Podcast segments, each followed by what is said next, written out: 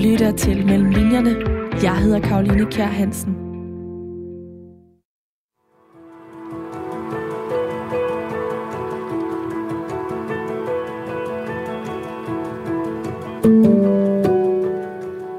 På en ø i en campingvogn med udsigt til fastlandets bjerge sidder tre personer.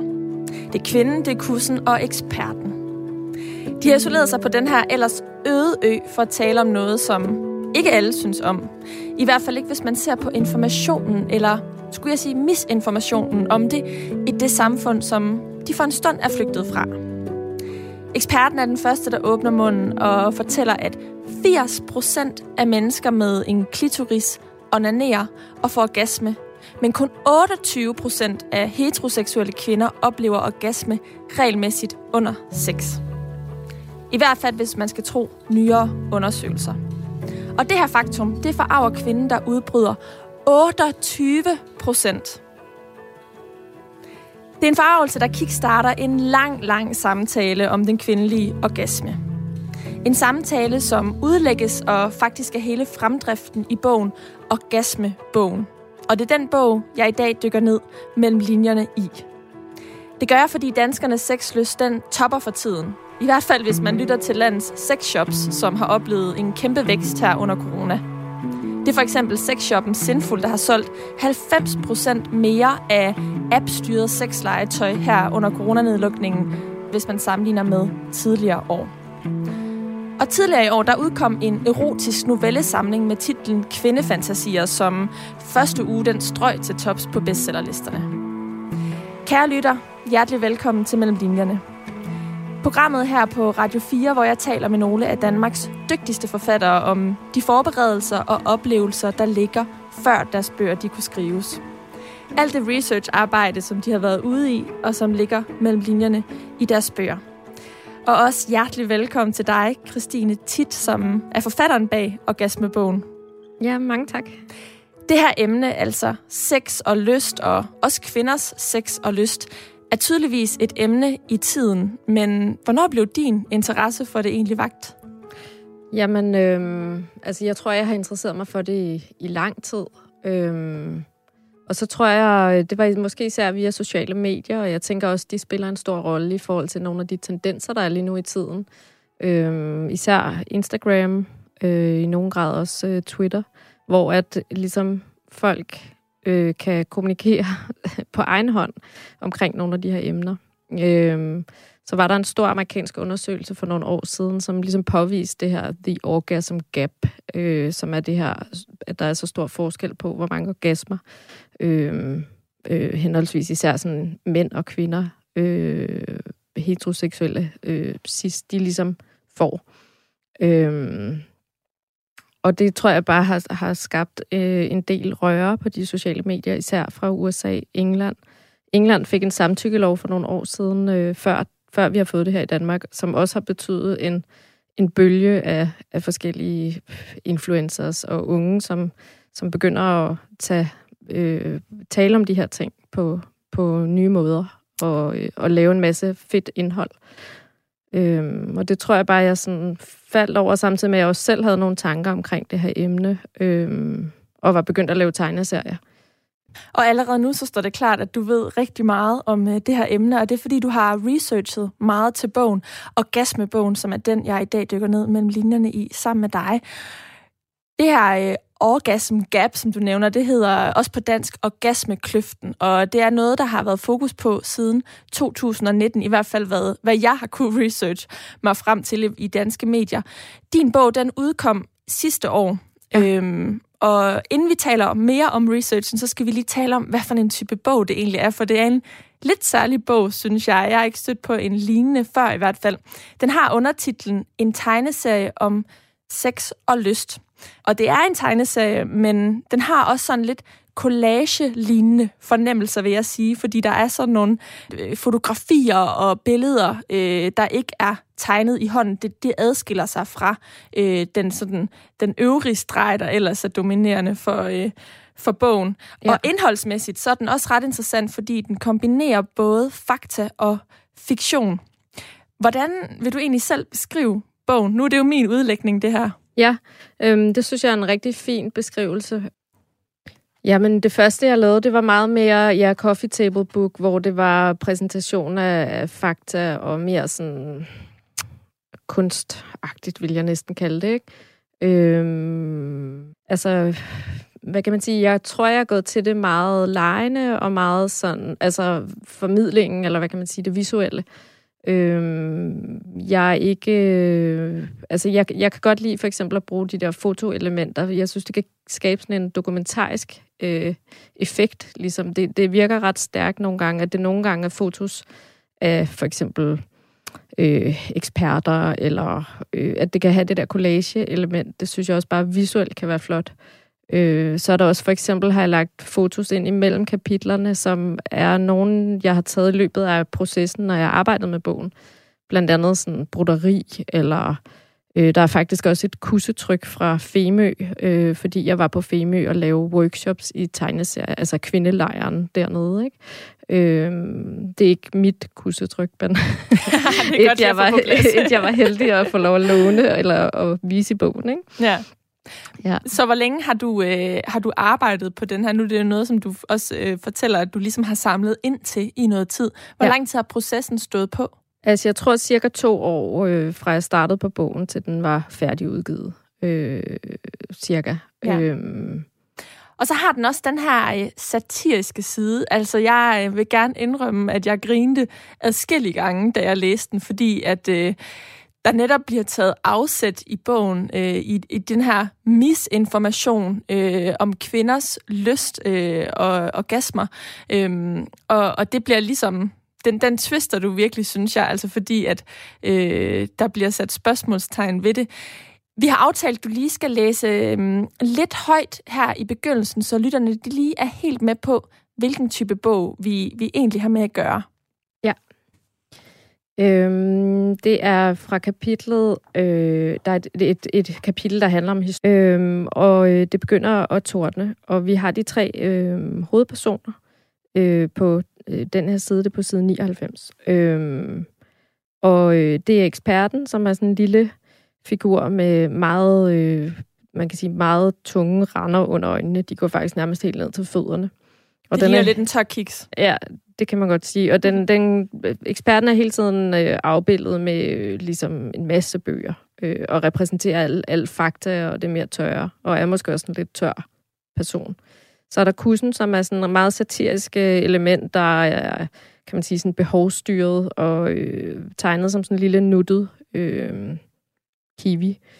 Og så er der øh, kvinden, som har sådan utrolig lange ben og ligner lidt en eller anden form for man kunne kalde det næsten sådan en Barbie-dukke eller sådan noget, øh, med tykke briller. Øh, og hun er måske sådan en blanding af de to, øh, og er måske en, der har mere erfaring, øh, og kan, kan sætte ord på det nogle gange, og stille spørgsmålstegn til, til noget, det eksperten siger. Og måske også være læserens agent nogle gange i at, at spørge om nogle ting, som man som læser kan undre sig over. Øh, sådan har jeg også brugt hende. Øh, Ja, men jeg læser. Øh, uha, torden. Lad os gå ind i campingvognen, siger eksperten. Jeg vil ikke ind. Jeg går en tur. Og det er så kussen. Men det kan være farligt i torden, siger kvinden. Øh, hold dig væk fra vandet, hvis det lyner. Er der flere bøger? De kan ikke tåle regn, siger eksperten. Nu skal vi høre om kvinders seksuelle historie. Cis-kvinder. Det lyder kedeligt. Og her der er det så kun eksperten og, og kvinden, kan man sige. Det er det ikke. Skal jeg bage boller, ekspert? I den vestlige verden har vi i rigtig mange år levet i et sygdomsparadigme.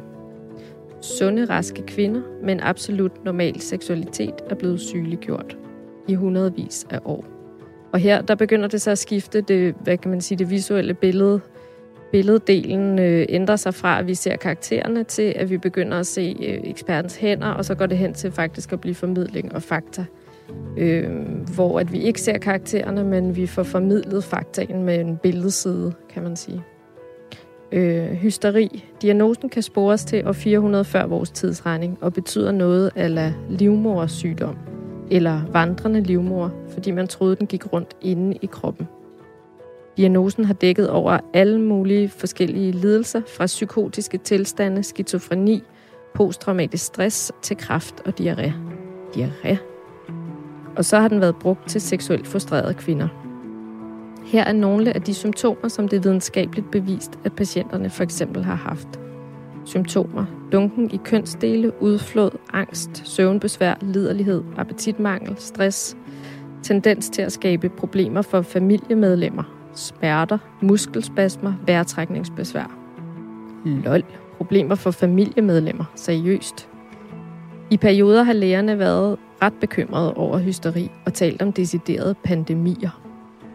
Og her der havde jeg faktisk en, en forklaring af, hvad en pandemi var, men det måtte jeg jo så fjerne, fordi det ved folk godt nu. så det kom til at virke fuldstændig Den absurd lige altså pludselig. lige der i efteråret, ja, da vi præcis. havde haft nedlukning. Ja, ja, så heldigvis kunne jeg nå at redigere det ud, fordi det, det faldt helt igennem. Og det var faktisk ret sjovt, fordi inden det var folk ret glade for, at der lige var en forklaring af, hvad en pandemi var. Mm. men, øh, Ja. ja.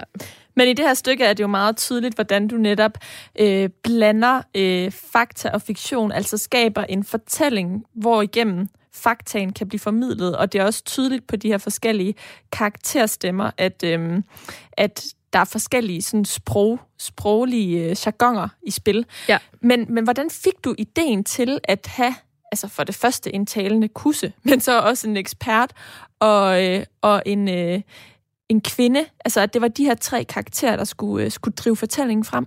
Ja, men det er et godt spørgsmål faktisk. Det er lige før, jeg ikke føler, jeg kan svare, men jeg tror, altså, kussen, altså nogle af de her karakterer er nogle, jeg har haft med mig i lang tid, altså også inden jeg lavede den her bog i nogle andre projekter. Og jeg tror, de ligesom, det er nogen, jeg sådan leger med, altså, jeg har aldrig stoppet med at tegne, så jeg har på en måde tegnet lige siden jeg var barn.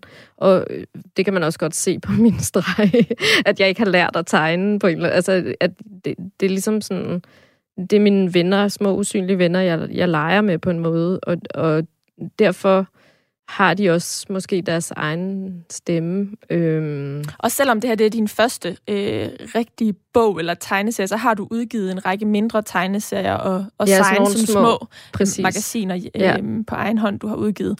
Altså, jeg har i hvert fald leget med mediet i noget tid, kan man sige, øhm, og, og med det der med at lave karakterer, men det er noget helt andet at lave en lang bog, og der var nogle af de ting, der fungerede godt for mig med at lave små ting, som overhovedet ikke fungerede i den her, også fordi der netop var formidling af fakta, og, og jeg var faktisk nødt til at lave nogle ret dybe karakterer. Hvordan, Ja. hvordan kom du ligesom frem til, at, kom, at, at, at, at kombinationen af fakta og fiktion, den kunne bæres frem med de her tre karakterer?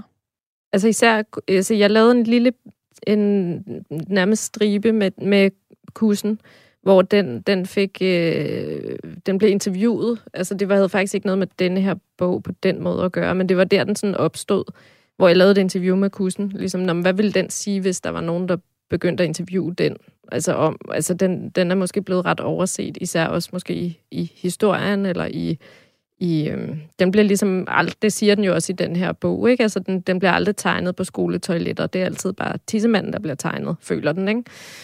Øh, så hele den der tanke om at give den en stemme, øh, tror jeg ligesom opstod. Mm. Øh, ja.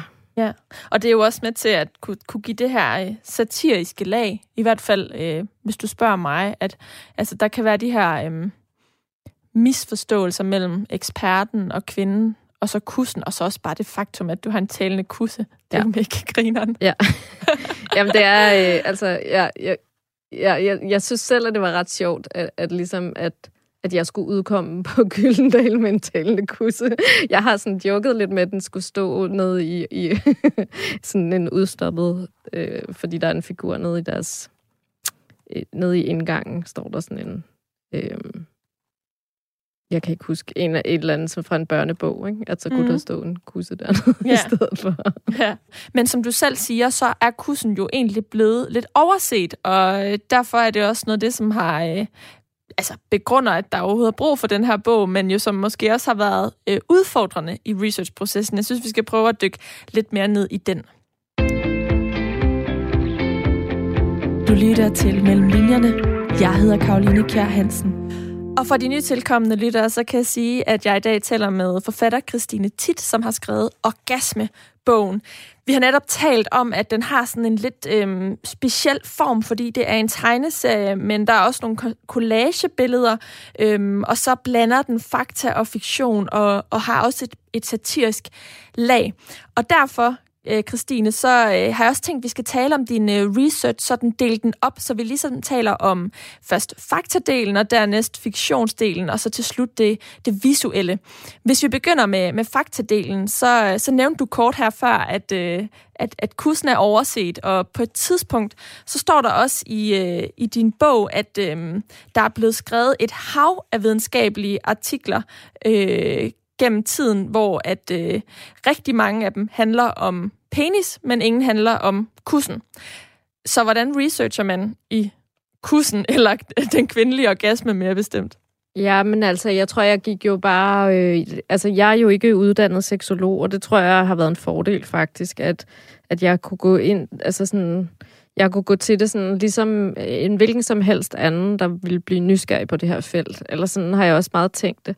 Og, og der er også nogen, der siger sådan, om nu er du sådan en orgasmeekspert, og det, det, det er overhovedet ikke mit projekt, eller, og det føler jeg heller ikke, jeg er, fordi jeg synes, det er vigtigt, at folk selv er eksperter i deres egne kroppe. Men jeg er bare, tror jeg, er gået meget åbent ind til, hvad har jeg kunne finde af information om det her. Øhm, og så tror jeg, jeg er bare sådan lidt en nørd, eller sådan, så jeg synes, det er vildt sjovt at finde og læse og øh, finde informationer om det. Og i øvrigt også ligesom at formidle det. Øhm, så det er sådan en blanding af, at jeg sådan har været inde på det kongelige bibliotek og ligesom bare søge i, i alle de sådan videnskabelige databaser, finde artikler og videnskabelige artikler. Så jeg, køb, jeg endte faktisk med at købe en bog hjem, som er sådan en, der egentlig er øh, beregnet til kirurger, øh, som handler om klitoris, altså organet. Og det var fordi, der fandtes kun en i, i Danmark, og den var, øh, jeg tror, den befandt sig i Aarhus, og, og man, kunne ikke, man kunne kun låne den på en læsesal. Ikke? Øh, og det, det, det var bare den eneste bog, som sådan rigtigt, øh, altså virkelig viser klitorisorganet. Øh, så den, den endte jeg med at købe hjem, selvom den kostede 900 kroner, og jeg, jeg havde vidderligt ikke særlig mange penge, vel? men, øh, men jeg følte sådan, at jeg måtte have noget viden. Øh, med andre ord kan man sige, at du har ligesom stødet nettet for, øh, for viden om øh, kussen og også det kongelige øh, biblioteksdatabase, og du har også en litteraturliste øh, bag, og den er jo rimelig divers egentlig. Du nævner øh, den her håndbog for kirurger, og der er også øh, nogle videnskabelige artikler, men der er også sådan lidt mere ugebladsundersøgelser, som jeg tænker, vi kan tale om lige om lidt. Ja. Men først så skal jeg lige høre den her bog, altså for kirurger. Var det ikke lidt svært at gå til egentlig, når du netop, du er uddannet øh, digital designer, øh, eller du har en kandidatgrad i digital design og kommunikation, øh, og arbejder også så som tegneserieforfatter og kunstner altså, du har jo ikke store forudsætninger for Nej, at gå altså, til sådan det er klart. Bog. Jeg får jo ikke særlig meget ud af at se på de der, øh, havde altså klamme billeder af organer, vel? altså, det er, jo ikke, det er jo ikke lavet til mig, men jeg tror, at der var nogle dele af den, blandt andet øh, behandler de også, at det med, at det er underbelyst. Og den del kunne jeg godt bruge, og jeg havde jo så læst nogle af de andre artikler, altså som nogle andre forskere inden for feltet øh, har lavet. Altså blandt andet i 2009 var der nogle franske forskere, som øh, lavede en altså sådan ultralydsscanning, eller hvor de kigger på, hvordan ser klitoris ud, når den er irrigeret. Altså det var faktisk første gang, man overhovedet så, øh, hvordan ser en irrigeret klitoris ud. Øh, og den artikel, altså der er bare ikke så meget, så derfor har jeg godt kunne synes jeg, navigere i det, selvom det ikke er mit fagområde overhovedet. Det er klart, jeg går jo ikke til det, som om jeg er læge. Øh, men derfor kan jeg godt øh, ligesom, ja, jeg ved ikke, sådan, øh, se konklusionerne og se, øh, altså sådan, danne mig et eller andet overblik, øh, føler jeg godt, at jeg har kunnet, ikke? Mm. Og hvad med de her øh, ugebladsundersøgelser, eller hvad vi skal kalde dem, altså sådan lidt mere øh, blød data, øh, ja. som ikke er sådan en hardcore videnskabelig artikel. Øh, hvordan fik du, øh, fik du overblik over de undersøgelser, der er blevet lavet? For jeg kunne også forestille mig, at der er blevet lavet en del, som altså, som heller ikke nødvendigvis er vildt øh, pålidelig, eller sådan har det største belæg. Ja, men man kan sige, altså, mm, altså, det er jo derfor, jeg netop har skrevet ind, hvor, hvor har jeg det her fra. Og så, så kan, altså, jeg har jo selvfølgelig prøvet at være kritisk, og det kan læseren jo også være og altså, jeg tror, min tilgang lidt er, jamen, når der ikke er så meget viden, så må vi jo også tage det, der er. Og en eller anden undersøgelse udført af Cosmopolitan af 3.000 kvinder, det, det er måske, hvis det er det, der er, jamen, så er det måske lige så godt som så meget andet. Øh, det er jo trods alt okay mange, øh, de har spurgt. Øh, altså sådan, og, og mm, altså hvis, det, hvis alle, altså, og det synes jeg måske, det, hvis der er mange af tingene, der peger i den samme retning, øh, så, er det, så siger det måske noget, altså uanset hvad, kan man sige. Helt sikkert, øhm, og det er jo også uanset hvad interessant at få overblikket over de forskellige udsagn, der kan være, fordi i sidste ende, så er øh, orgasmer jo super individuelle, altså ja. sexlyster, det er jo også noget af det, som, som øh, jeg oplever, bogen forsøger at konkludere, at der ligesom kun er, øh, der er ligesom alle måder at have sex på, øh, og, og det er både med og uden orgasme, og i bund og grund er der også kun øh, én type orgasme, øh, som ligesom er, at der er de her sådan muskelsammentrækninger, øh, ja. men at, der, at, at, at vi har haft stort behov for at ligesom putte ting i kasser, og i bund og grund kan det ikke puttes sådan i kasser. Altså, men man kan, man kan få et, øh, et, sådan, øhm, et grundlag til selv at skabe sin, øh, danne sine erfaringer ud fra, og skabe sine holdninger til det. Ja, ja. Helt sikkert. Og så igen, altså det der med, at jeg ikke er ekspert, men at jeg virkelig sådan håber, at folk selv kan være eksperter. Altså jeg, jeg har også haft snakket om, altså, og det mener jeg virkelig, at vi, at vi står over for en, altså vi har behov for en ny seksuel revolution. Altså den har ikke rigtig været der øh, for alle køn og alle øh, typer af kønsdele og seksuelle orienteringer. Altså sådan, jeg tror, vi, vi står over for, øh, altså, eller er midt i en, en bølge af Øh, af, af ny, ny viden, øh, nyt syn på seksualitet, øh, hvor vi kommer til at være meget mere ligestillet, øh, uanset seksuel orientering og, og hvordan vi ser ud fysisk eller biologisk. Øh. Og det her med, med kønnet er også noget, det du skriver ind. Altså du, øhm, du forholder dig også kritisk til undersøgelserne i forhold til, om det er cis-kvinder, eller, eller hvilket køn det er, der har øh, besvaret de her undersøgelser. Og ja. flere gange så må du konkludere, at det fremgår altså ikke. Hvorfor øh, var det vigtigt for dig at tage, tage det aspekt med? Jamen, jeg tror, øh, altså, man kan sige, det er jo også bare noget, der rører sig meget i tiden, og jeg har mange venner, der er transpersoner, øh, så det har været vigtigt for mig, at det var, at, det var, at alle at jeg ikke i hvert fald sådan, altså, var med til at puste til sådan et eller andet transfobisk øh, sprogbrug eller et eller andet. Øh, altså, jeg er også selv biseksuel, og altså sådan, så, så øh, meget af den måde, vi taler om de her ting på i medier, er jo enormt sådan øh, old school og hit. Altså sådan, det er ved at ændre sig, og vi øver os jo alle sammen øh, oplever jeg, eller jeg oplever mange øvelser i at prøve at netop bruge, altså tale på måder, der er mere inkluderende. Øh, men, øh, men der er måske sådan lidt vej endnu, ikke? Øh, for ægte at inkludere øh, alle. Ja. Og den her er jo en bog, der handler rigtig meget om mennesker med en klitoris, og måske især om heteroseksuelle kvinder. Øh, og det, det skal den jo også være, eller det, det, det er det, der var mit projekt. Ja. Så, så det må det jo også gerne. Øh, og jeg synes selv, at det kan være faktisk, altså sådan, det kan da være lidt irriterende, at man hele tiden skal sige sådan cis-kvinder i stedet for bare kvinder, men det betyder bare rigtig meget for de kvinder, der ikke er cis, at man, at man får nævnt det. Øh, øh, så, så det må man jo bare virkelig prøve på.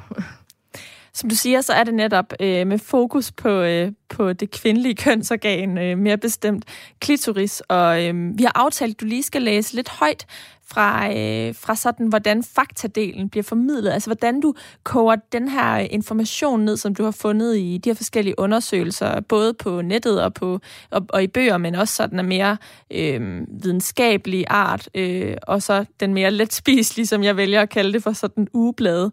Øh, vi skal lige høre lidt om, øh, om klitoris. Ja, og det her det er et kapitel, der handler om anatomi. Øhm, penis har 4.000 nerveender, som er det, der gør, at det føles godt at blive rørt. Klitoris har 8.000. Nerveenderne på klitoris forgrener sig lidt forskelligt fra person til person, men er super følsomme på alle. Derfor er det forskelligt, hvad man kan lide, og hvad der får en til at komme. Nogle er så følsomme på deres klitoris, at direkte berøring af glansen kan føles smertefuld. og det her det er illustreret med sådan, faktisk med ledninger øh, og det collage, øh, hvor jeg har sat, altså, sat fotos ind. Øh, men nu kommer der sådan en tegning af en, af en klitoris, der sådan har øjne, øh, der siger, ah, mm, så står der, at prøve at komme uden stimulering af klitoris er svært for de fleste. Ligesom personer med en penis kan have svært ved at komme uden at røre den. Mange kommer lettest, hvis glansen stimuleres direkte udefra, enten alene eller samtidig med penetration eller anden relevant stimulering. Og så er der sådan en pil, der peger hen på, kan man sige, næsen på den her karakter, klitoris. Øh. Og så, øh, så kommer der øh, et afsnit her, som faktisk, det baserer sig på sådan en videnskabelig artikel, øh, men hvor jeg, kan man sige, har lavet satire ud af det. Øh, forskellige læger har igennem tiderne fundet klitoris, og så er den blevet glemt igen. Og så der har jeg sat en lille boks ind, hvor der står, ordet kommer i latin, klitoris, græsk, øh, klitoris, jeg ved ikke, hvordan man udtaler det, øh, som betyder lille bjerg. Og så har jeg ligesom tegnet øh, nogle af alle de øh, mænd, der er nævnt i en artikel, jeg har, har læst, som handler om klitoris. Og også om, at den faktisk er blevet, han altså, altså hele det store organ er i og for sig blevet fundet, men så har man sådan ligesom glemt det igen. Øhm, og der er så nævnt sådan nogle forskellige, og sat fotos ind af dem, hvor de alle sammen siger, det var mig, der fandt den. Nej, det var mig, det var mig. Og så, så slutter siden, hvor der står, men hele klitoris blev først officielt fundet i 1998 af en australsk læge, øh, som hedder Helen O'Connell. Og så er der et foto af hende, der siger, sorry boys, det var mig. Den er slet ikke så lille. Øhm, så, og der synes jeg, at det der fotoelement fungerer ret fint, øh, fordi man, man ser de der, øh, hvad der sagt, historiske eksperter, og så, og så ser man hende. Øh. Og ja, fotoelementet, det fremgår netop enten som sådan en form for øh, mindre billeder øh, på en side, hvor der ja. også er tegninger, eller også så sådan hele sider, der adskiller øh, kapitlerne. Og jeg synes virkelig, at det her er et godt eksempel på, øh, på en, et afsnit, hvor at jeg i hvert fald øh, fik to øjenåbnende øh, oplevelser. Dels det her med, at kvinder i bund og grund øh, har større sandsynlighed for at blive tilfredsstillet, fordi de har de her øh, 8.000 øh, er det, hvad var det, det ja, hed? nerveender. Nerveender, ja. lige præcis, hvor mænd kun har 4.000. Øhm, og så at klitoris først blev rigtig fundet, altså at man ligesom blev helt bevidst om, hvad det var i 1998. Ja. Øhm, og det er jo ekstremt tankevækkende, at kvinder i bund og grund altså, har bedre sandsynlighed for at komme en, en mænd, men sjældent nok kommer. Ja. Kun, øh, kun to ud af fem øh, oplever at få orgasme. Øh, ja. heteroseksuelle kvinder, når de har øh, samleje. Men en anden ting, som også øh, var vildt øjenåbende for mig lidt senere i bogen, hvor at øh, der er sådan et af de her fotografiske billeder igen af en, øh, en dildo, som er den første. Ja. Øh, og den er simpelthen 8 28.000 år gammel og fundet i en hule i Tyskland. Ja. Og hele historien med dildoen altså, var vanvittig for mig. Jeg har ja. aldrig hørt det før. Christine, kan jeg få dig kort til at, at fortælle det til lytterne, hvad den egentlig går ud på? Jamen altså, man kan sige sådan overordnet kan man sige, at øh, kvinders kroppe og især kvinders seksualitet er, er blevet sygeliggjort igennem de sidste mange år. Altså formentlig jo ikke i hulesamfundet, og derfor kan man jo godt finde øh, ellers, altså sådan, øh, redskaber, der er dildoer øh, helt tilbage fra sådan 28.000 år siden. Ikke? Men, men især sådan... Øh, nyere tid, øh, eller nyere, nyere tid, men sådan, ja, især selvfølgelig 1800-tallet, hvor man, hvor man har, øh, har virkelig har sådan, han har sagt, udskabt kvinder øh, for deres seksualitet, og også har, øh, altså man har set det som sygdom hvis, hvis øh, kvinder, havde jeg sagt, var lidelige. Ikke? Øhm. Og som man jo så har behandlet med de her dildoer. Præcis. Det, der er så og, og med, og med, altså med alle mulige redskaber. Altså sådan, man opfandt øh, sådan vibratoren øh, ni år før støvsugeren, ikke? fordi det var, det var rigtig stort på den tid at, at blive behandlet. Øhm. Men prøv lige at høre det her. Altså, vibratoren blev opfundet før støvsugeren ja. med henblik på at øh, gøre kvinder, der var liderlige, raske. Ja. Og, og nu bruger man vibrator for, for, til at få en orgasme. Ja, altså. præcis. Altså, øh, Jamen altså, det var jo netop det, som også i det afsnit, jeg læste op før, at altså, man har virkelig set det som sådan pandemier, eller som sådan omsaggribende øh, sygdom, ikke? Ja. Øh, og det var faktisk især Freud, der var med til sådan at stoppe det, havde han sagt, ikke? At sige sådan, hey, nu må, I, nu må vi lige, det, det her skal lige stoppe. og så skulle han bare, han fik det til at stoppe helt. ja, desværre. Ja. Det var kun mænd, der måtte få øh, orgasmer lige pludselig. Men hvad var det tror jeg det... ikke var tilsigtet, men, øh, men, Nej. Øh, ja. men hvad var egentlig det mest øh, øjenåbende for dig? Altså nu har du siddet og netop grænsket nettet for alt, hvad der er om kusten, og, og har fingrene i, i alle de her undersøgelser. Øhm, og, og dem øh, ligesom, dem inddrager du også drøbvist, vil jeg sige. Altså, de kommer løbende igennem hele øh, bogen her. Men hvad, hvad giver størst indtryk på dig? Altså, jeg tror faktisk, nogle af alle de ting, så, altså for eksempel det, du også selv nævner lige nu, det der med, at klitoris har flere nerveender, og at den først blev fundet i 1998. Altså, nogle af alle de der facts har virkelig sådan... Øh, også væltet mig, og der tror jeg, det har været en ret øh, svær øh, og sjov proces, men, men det har været svært, at jeg ikke har ville virket forarvet, eller hvad kan man sige, at jeg har prøvet at fremlægge nogle af de her fakta sådan relativt nøgternt, og selvfølgelig lavet noget satire, men at det ikke er mig, der har skulle fortælle læseren, hvor er det bare dumt, det her. Altså det, det har jeg virkelig prøvet at bestræbe mig på, at læseren selv får den følelse ved, at jeg bare lægger fakta ud, sådan relativt, altså bare sådan her ligger landet, og så, så, øh, så folk selv kan, kan få de følelser, de nu engang må få. Ikke? Øhm. Ja. Altså, jeg tror for eksempel faktisk, øh, altså jeg har også nogle billeder af, hvor man kan se, altså sådan nogle, havde jeg sagt, anatomiske tegninger, hvor klitoris ikke er tegnet ind. Øh, og de, sådan ser det faktisk stadig ud, og det ser stadig sådan ud inde på øh, sundhed.dk, som jo er sådan en officiel øh, dansk side, øh, som, altså sådan, at klitoris stadig ikke er tegnet ind der, og ikke er beskrevet, altså hele klitorisorganet.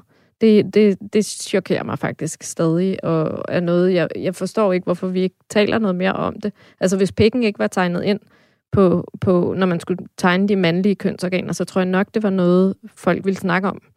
Øhm, eller lave dokumentarprogrammer om, eller et eller andet. Ikke? Altså, det, det er ret vildt, synes jeg, hvor meget det her stadig øh, er noget, vi ikke taler om, og som det, der bliver ligesom hvor, ikke ændret på det. Eller sådan, hvorfor får vi ikke en tegning ind på øh, sundhed.dk, hvor vi faktisk kan se klitoris? Fordi det er altså virkelig svært for alle os, der har en klitoris, og især hvis man er ung og ved at lære sin egen krop at kende, at, at, at, at, altså, at man ikke engang kan se den på en tegning øh, på, på en officiel, havde jeg sagt, jeg ved ikke, hvad man kan kalde det, lægeplatform, eller sundhedsfaglig platform i hvert fald. Ikke? Og, og hele historien for, hvorfor at, at, at, øh, at kursen er så usynlig, er jo også netop den, du, du udruller igennem hele bogen.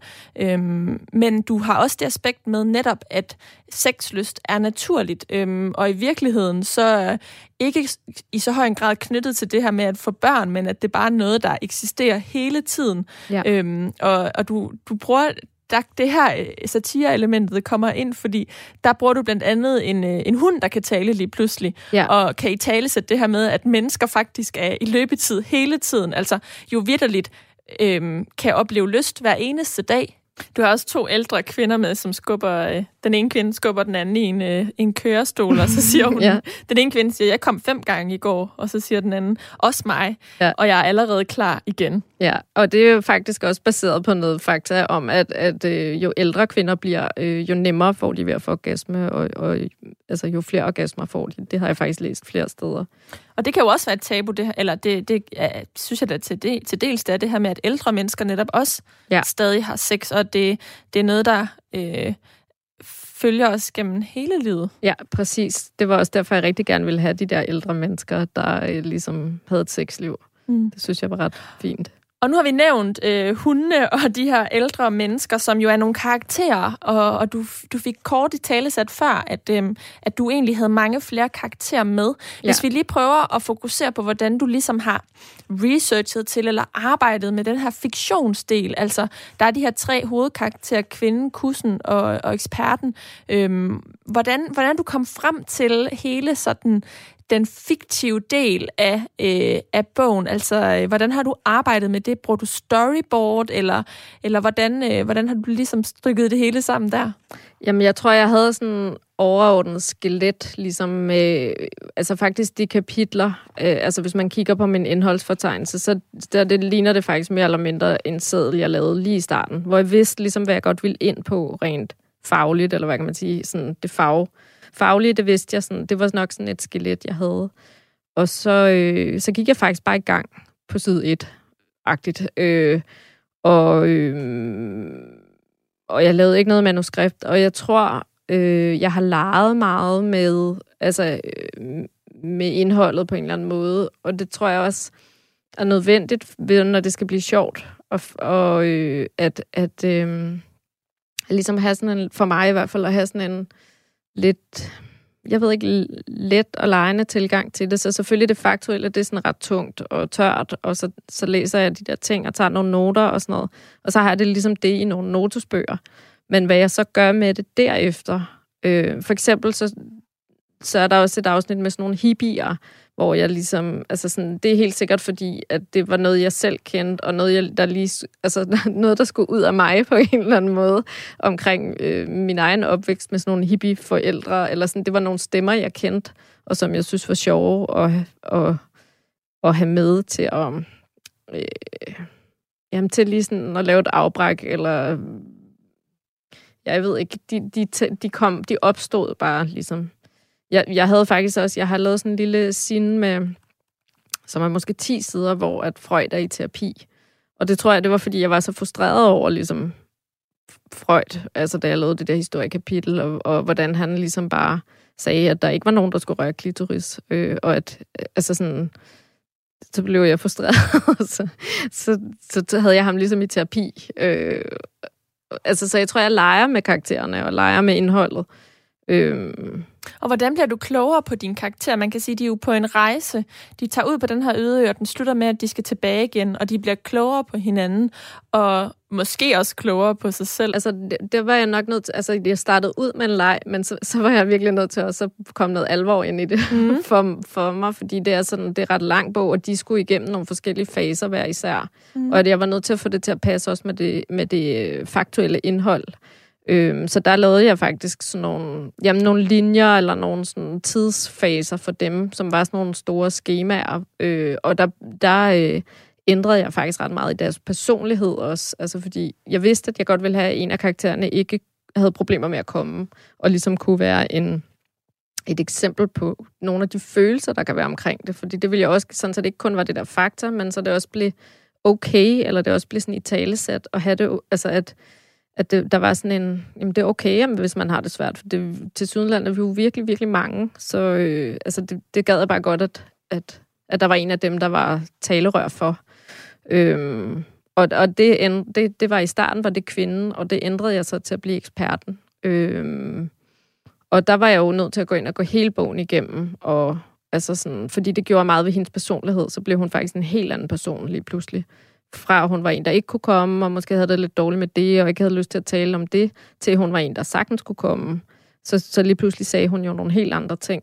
Øhm, og jeg var jo nødt til at tegne en del om, og, og selvfølgelig ændre i en del dialog. Og der lavede jeg faktisk også, at jeg så sad og lavede noget ren dialog, øh, ligesom, jeg ved ikke, jeg forestiller man må måske gøre, hvis man skal lave et manuskript eller et eller andet, altså hvor jeg simpelthen bare sad og skrev dialog øh, for, for at komme ind i, hvad de sagde, og hvordan de, deres stemmer, øh, og hvordan deres stemmer var forskellige fra hinanden. Øh, altså, at hun måske har lidt mere slang, et eller andet, og, og mere ungt sprog, og eksperten måske øh, bruger nogle andre ord, og er sådan den der tørre. Øh, det var jeg også nødt til sådan at skrive mig lidt ind i. Mm. Øh, så der lavede jeg nogle dokumenter, hvor jeg simpelthen bare lavede dialog. Øh, og, og så tog jeg en lille bitte smule fra det, men jeg skrev meget mere, end jeg brugte. Altså simpelthen bare for at komme ind i dem. Men, men øh, det var simpelthen for at blive klogere på deres stemmer, for jeg tænker, stemmerne er jo også ekstremt vigtige, når det netop er en tegneserie. Ja. Øh, det er jo ikke sådan, at vi får en masse beskrivelser serveret ellers, udover at vi kan se øh, relativt spartansk, hvordan de er og agerer på tegningerne. Ja. Hvad, hvad er vigtigt, når man, når man skal lave karakterer til en tegneserie? Altså for mig i hvert fald opdagede jeg, at de var virkelig nødt til at have noget dybde og noget... Altså meget mere, end jeg troede. Øh, så jeg var virkelig nødt til at lære at kende dem godt. Øh, fordi ellers fungerede det ikke. Øh, og noget ærlighed. Øh, altså mange af de ting, de siger, det er ting, jeg måske har hørt, an, altså, hørt folk sige. Øh, og, øh, og så, men altså sådan, men for eksempel kvinden der, hun, hun var på et tidspunkt sådan ret fejlfri, øh, og det blev også irriterende, eller sådan, de, de var nødt til at have noget, de var nødt til også at være lidt irriterende og lidt nederen, altså for mig selv, ikke? Og, og jeg synes faktisk, hun er ret irriterende nu, og har synes det, øh, altså sådan, kvinden der, altså jeg synes, hun er en lille smule irriterende. Altså hun fremstår jo også umiddelbart irriterende, men den der dybde, du taler om, har hun jo lidt, fordi hun så øhm, viser sig at, at egentlig have, altså, have en ok viden til slut. Præcis. Men hvorfor synes du, hun er irriterende? Jamen, jeg tror, det er det der med, at hun sådan, når eksperten står og siger noget, hun sådan lige øh, stiller spørgsmålstegn, eller lige korrekser lidt sådan, er det nu cis kvinder? Og, altså, jeg ved ikke, jeg, jeg, jeg tror godt, jeg, det kan jeg bare synes, at hun er lidt irriterende. Øhm, skal vi ikke lige høre et øh, lille passage, hvor du har arbejdet særligt med de her karakterer? Øhm, jo. Øhm.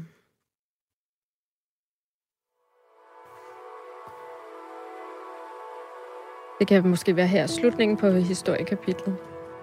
Som er jo det kapitel med dildoen, som jeg virkelig øhm, var fascineret af. Ja.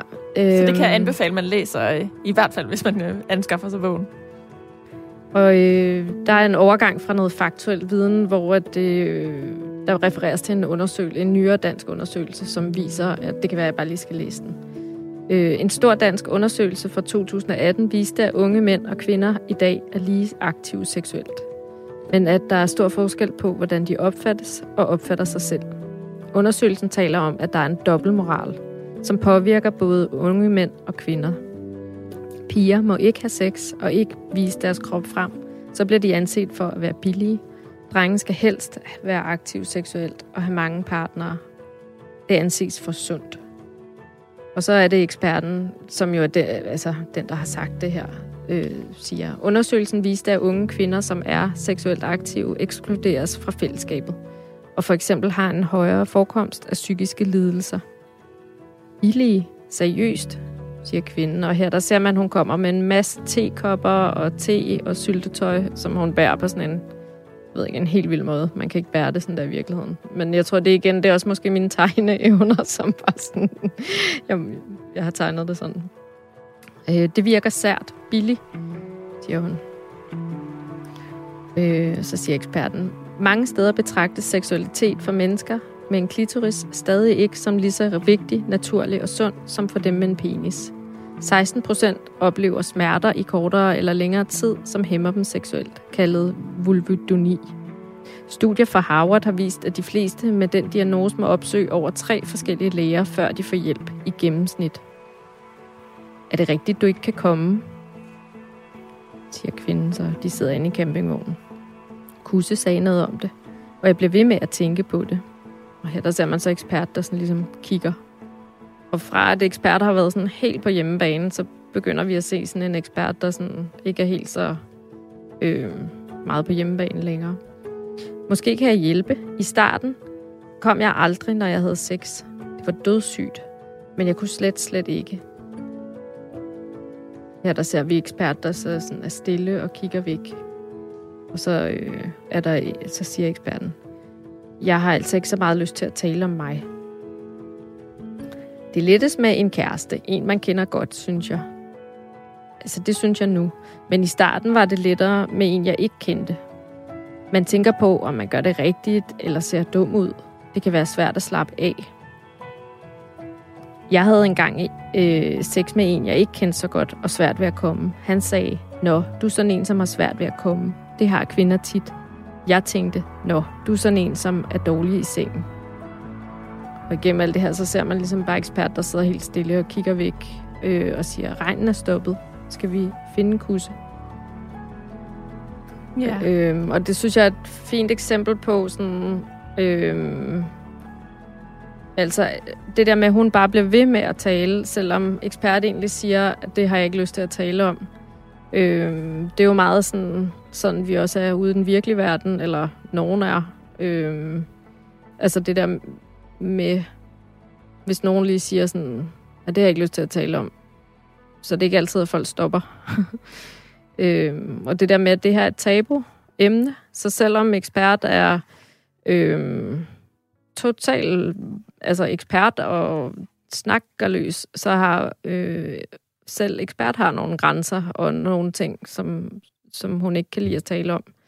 Øh, og det synes jeg bare er meget stærkt at vise, at det må man gerne øh, have.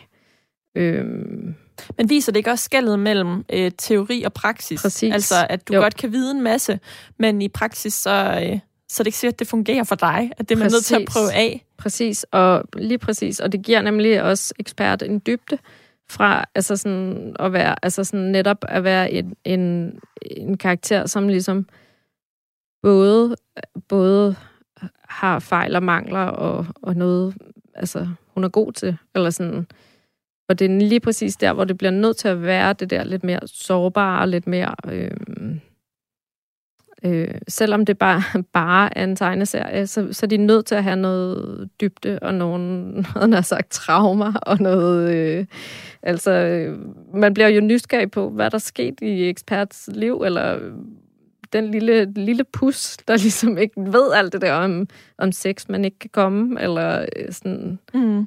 Øh, Christine, det lyder nu her, når vi taler om det, som om, at du øhm, vidderligt nærmest har sådan klippe klistret, også fordi, at der er de her fotografiske billeder løbende. Ja, altså jeg har virkelig øh, sådan, jeg har spredt, altså sådan, jeg har haft det lagt, spredt kapitlerne ud, altså i, på hele min lejlighed, altså hele gulvet var sådan helt dækket i perioder, øh, og vidderligt klippe klistret.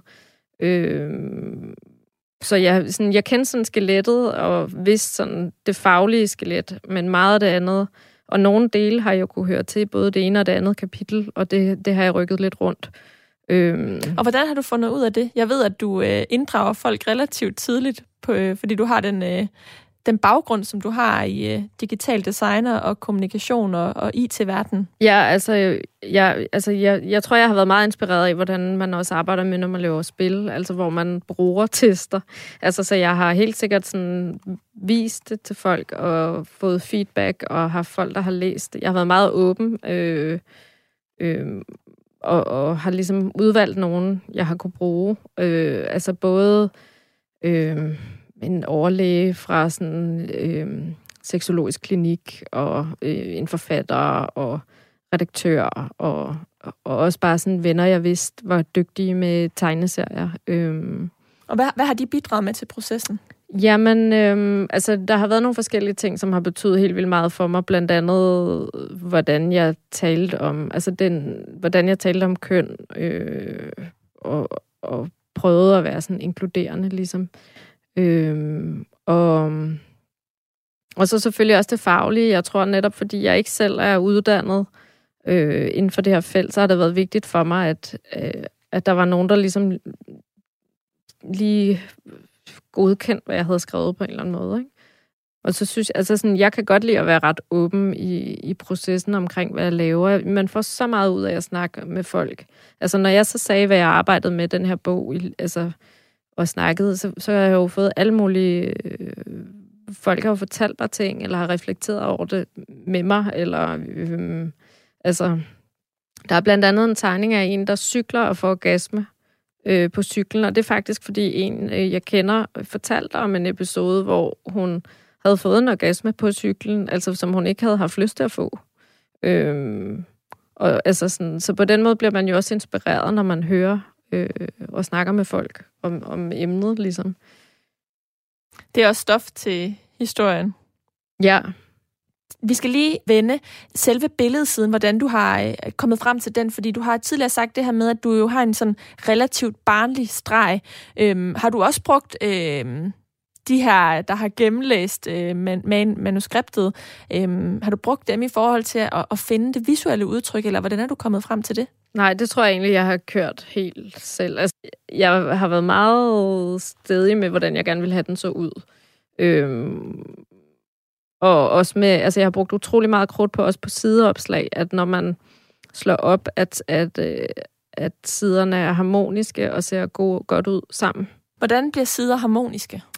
Øh, jamen, det kan enten være... Øh, altså, det, ja, det, det skal være harmonisk for mig, han har sagt. Jeg ved ikke, om det også er det for andre, men øh, jeg kan bare godt lide, når, når, når man slår op, og at den ene side taler sammen med den anden side, enten visuelt eller faktuelt. Altså, hvis den ene er meget faktatung, at den anden så måske ikke er det, eller at der er noget i øh, motiverne, der går igen. Mm. Du øh, arbejdede på den sådan omtrent to år. Hvordan vil du egentlig beskrive øh, processen? Sådan samlet set. Altså vildt sjov. Altså, jeg, det er det fedeste, jeg har lavet. Jeg synes, det er vildt sjovt at arbejde med, øh, og vil helt vildt gerne lave flere bøger. Altså sådan, fordi det, det er en blanding af at få ny viden, det elsker jeg ligesom, og så at formidle, synes jeg også, altså det der med at altså jeg virkelig skulle tænke meget med, hvordan kan jeg formidle de her fakta, eller hvordan kan jeg øh, en eller anden, nogle tørre tal, ligesom hvordan kan jeg gøre det visuelt øh, og let og afkodet. Øh, det synes jeg er vildt sjovt. Og så øh, at lege, altså fordi jeg leger meget med de der karakterer, og øh, det er ligesom at lege med dukker eller et eller andet, ikke? Eller sådan...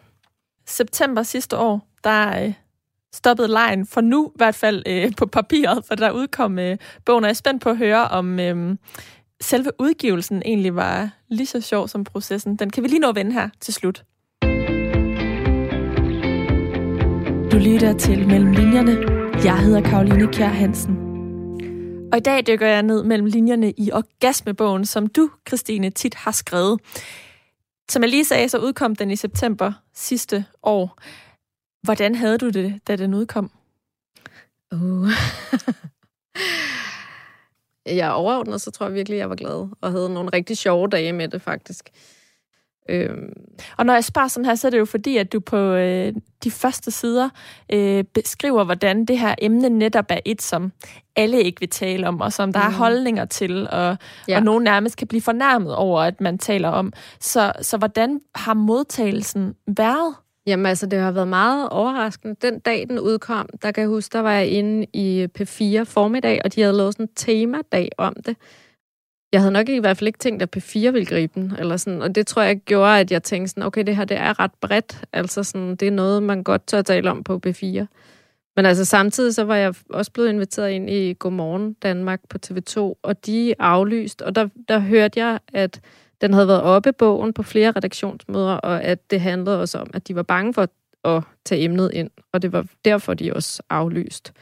Og det er jo også overraskende, at øh, man kan godt have måske prostitueret eller ja, forskellige former for sexarbejdere inden, øh, men man kan ikke have nogen inden, der taler om, at der er mange kvinder, der ikke kommer under sex. Øh, det er måske mere tabu end sexarbejde. Øh, det, ja, det ved jeg ikke, det er bare ret overraskende for mig. Ikke? Så hvor tænker du, at vi er nu sådan i forhold til selve aftabuiseringen af det? Jeg tror, vi er rigtig godt på vej, og jeg tror, det er så sindssygt fedt, at vi har øh, sociale medier, og jeg tror, mange unge øh, øh, går jo til det her sådan, med helt friske øjne, og kan jo sådan, også have svært ved at forstå, at, ligesom, at det er så skævt, den adgang til viden, og at der er så lidt viden om, Altså, bare fordi man har en klitoris, eller sådan. Jeg tror, mange unge er bare sådan, whatever, ikke? Så, og så har jeg egentlig også oplevet mange af den ældre generation, nogle af alle de der, der altså 68'er øh, generation, de har også synes, at det her var fedt, øh, og den her bog, de har taget ret godt imod den, oplever jeg egentlig. Og også fordi det er noget, de har, de allerede har øh, kendt til for mange år siden, øh, noget omkring seksualitet, og, øh, og at det var noget, man godt kunne tale om. Men jeg tror, der har måske været en periode, hvor vi egentlig ikke har talt så meget om det. Og det er jo ret interessant, at den måske bogen i virkeligheden kan være en sådan generationssamler. Det, det kan man jo håbe. Altså, det er i hvert fald, jeg oplever i hvert fald, at mange, jeg tror også, det er titlen, der skræmmer, ikke? Altså sådan orgasmebogen. Jeg tror, folk synes, det er vulgært, eller, eller det ved jeg ikke.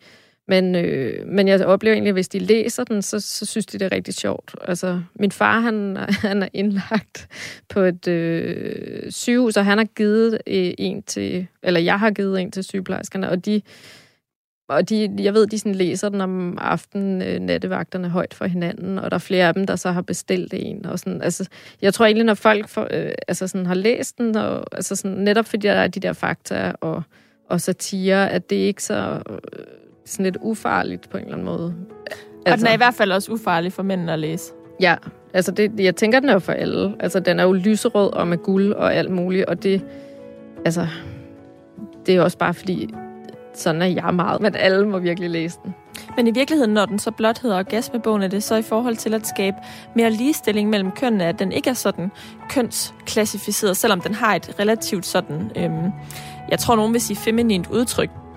Ja, jeg tror, det var måske også bare sådan noget med at tage ejerskab over det her emne og seksualitet og øh, ture, ture tale om det og ture, øh, sådan ture og, og åbne det på en eller anden måde, øh, seksualiteten. Fordi desværre er det jo, har det jo været, øh, og, det, er nogen sammenhæng stadig, noget, som, som mænd har haft meget patent på, ikke? kulturelt, eller hvad kan man sige. Jeg er i hvert fald øh, glad for, at du har haft øh, mod til at turde tale om det i dag her med mig på, øh, på Radio 4. Forfatter Christine Tit, jeg vil sige tusind tak, fordi du var med her imellem linjerne. Jamen tak, fordi jeg måtte. Og jeg vil også sige tusind tak til dig, der har lyttet med. Du har lyttet til Mellem Linjerne. Det er programmet, hvor jeg taler med nogle af Danmarks dygtigste forfattere om alle de forberedelser og oplevelser, der ligger før deres bøger de kunne skrives. Alt det researcharbejde, som de har været ude i, og som ligger mellem linjerne i deres bøger. Du kan finde hele programmet her som podcast på radio4.dk i vores app, eller lige der, hvor du lytter til podcasts normalt. Mit navn det er Karoline Kjær Hansen, og jeg håber, vi lyttes ved.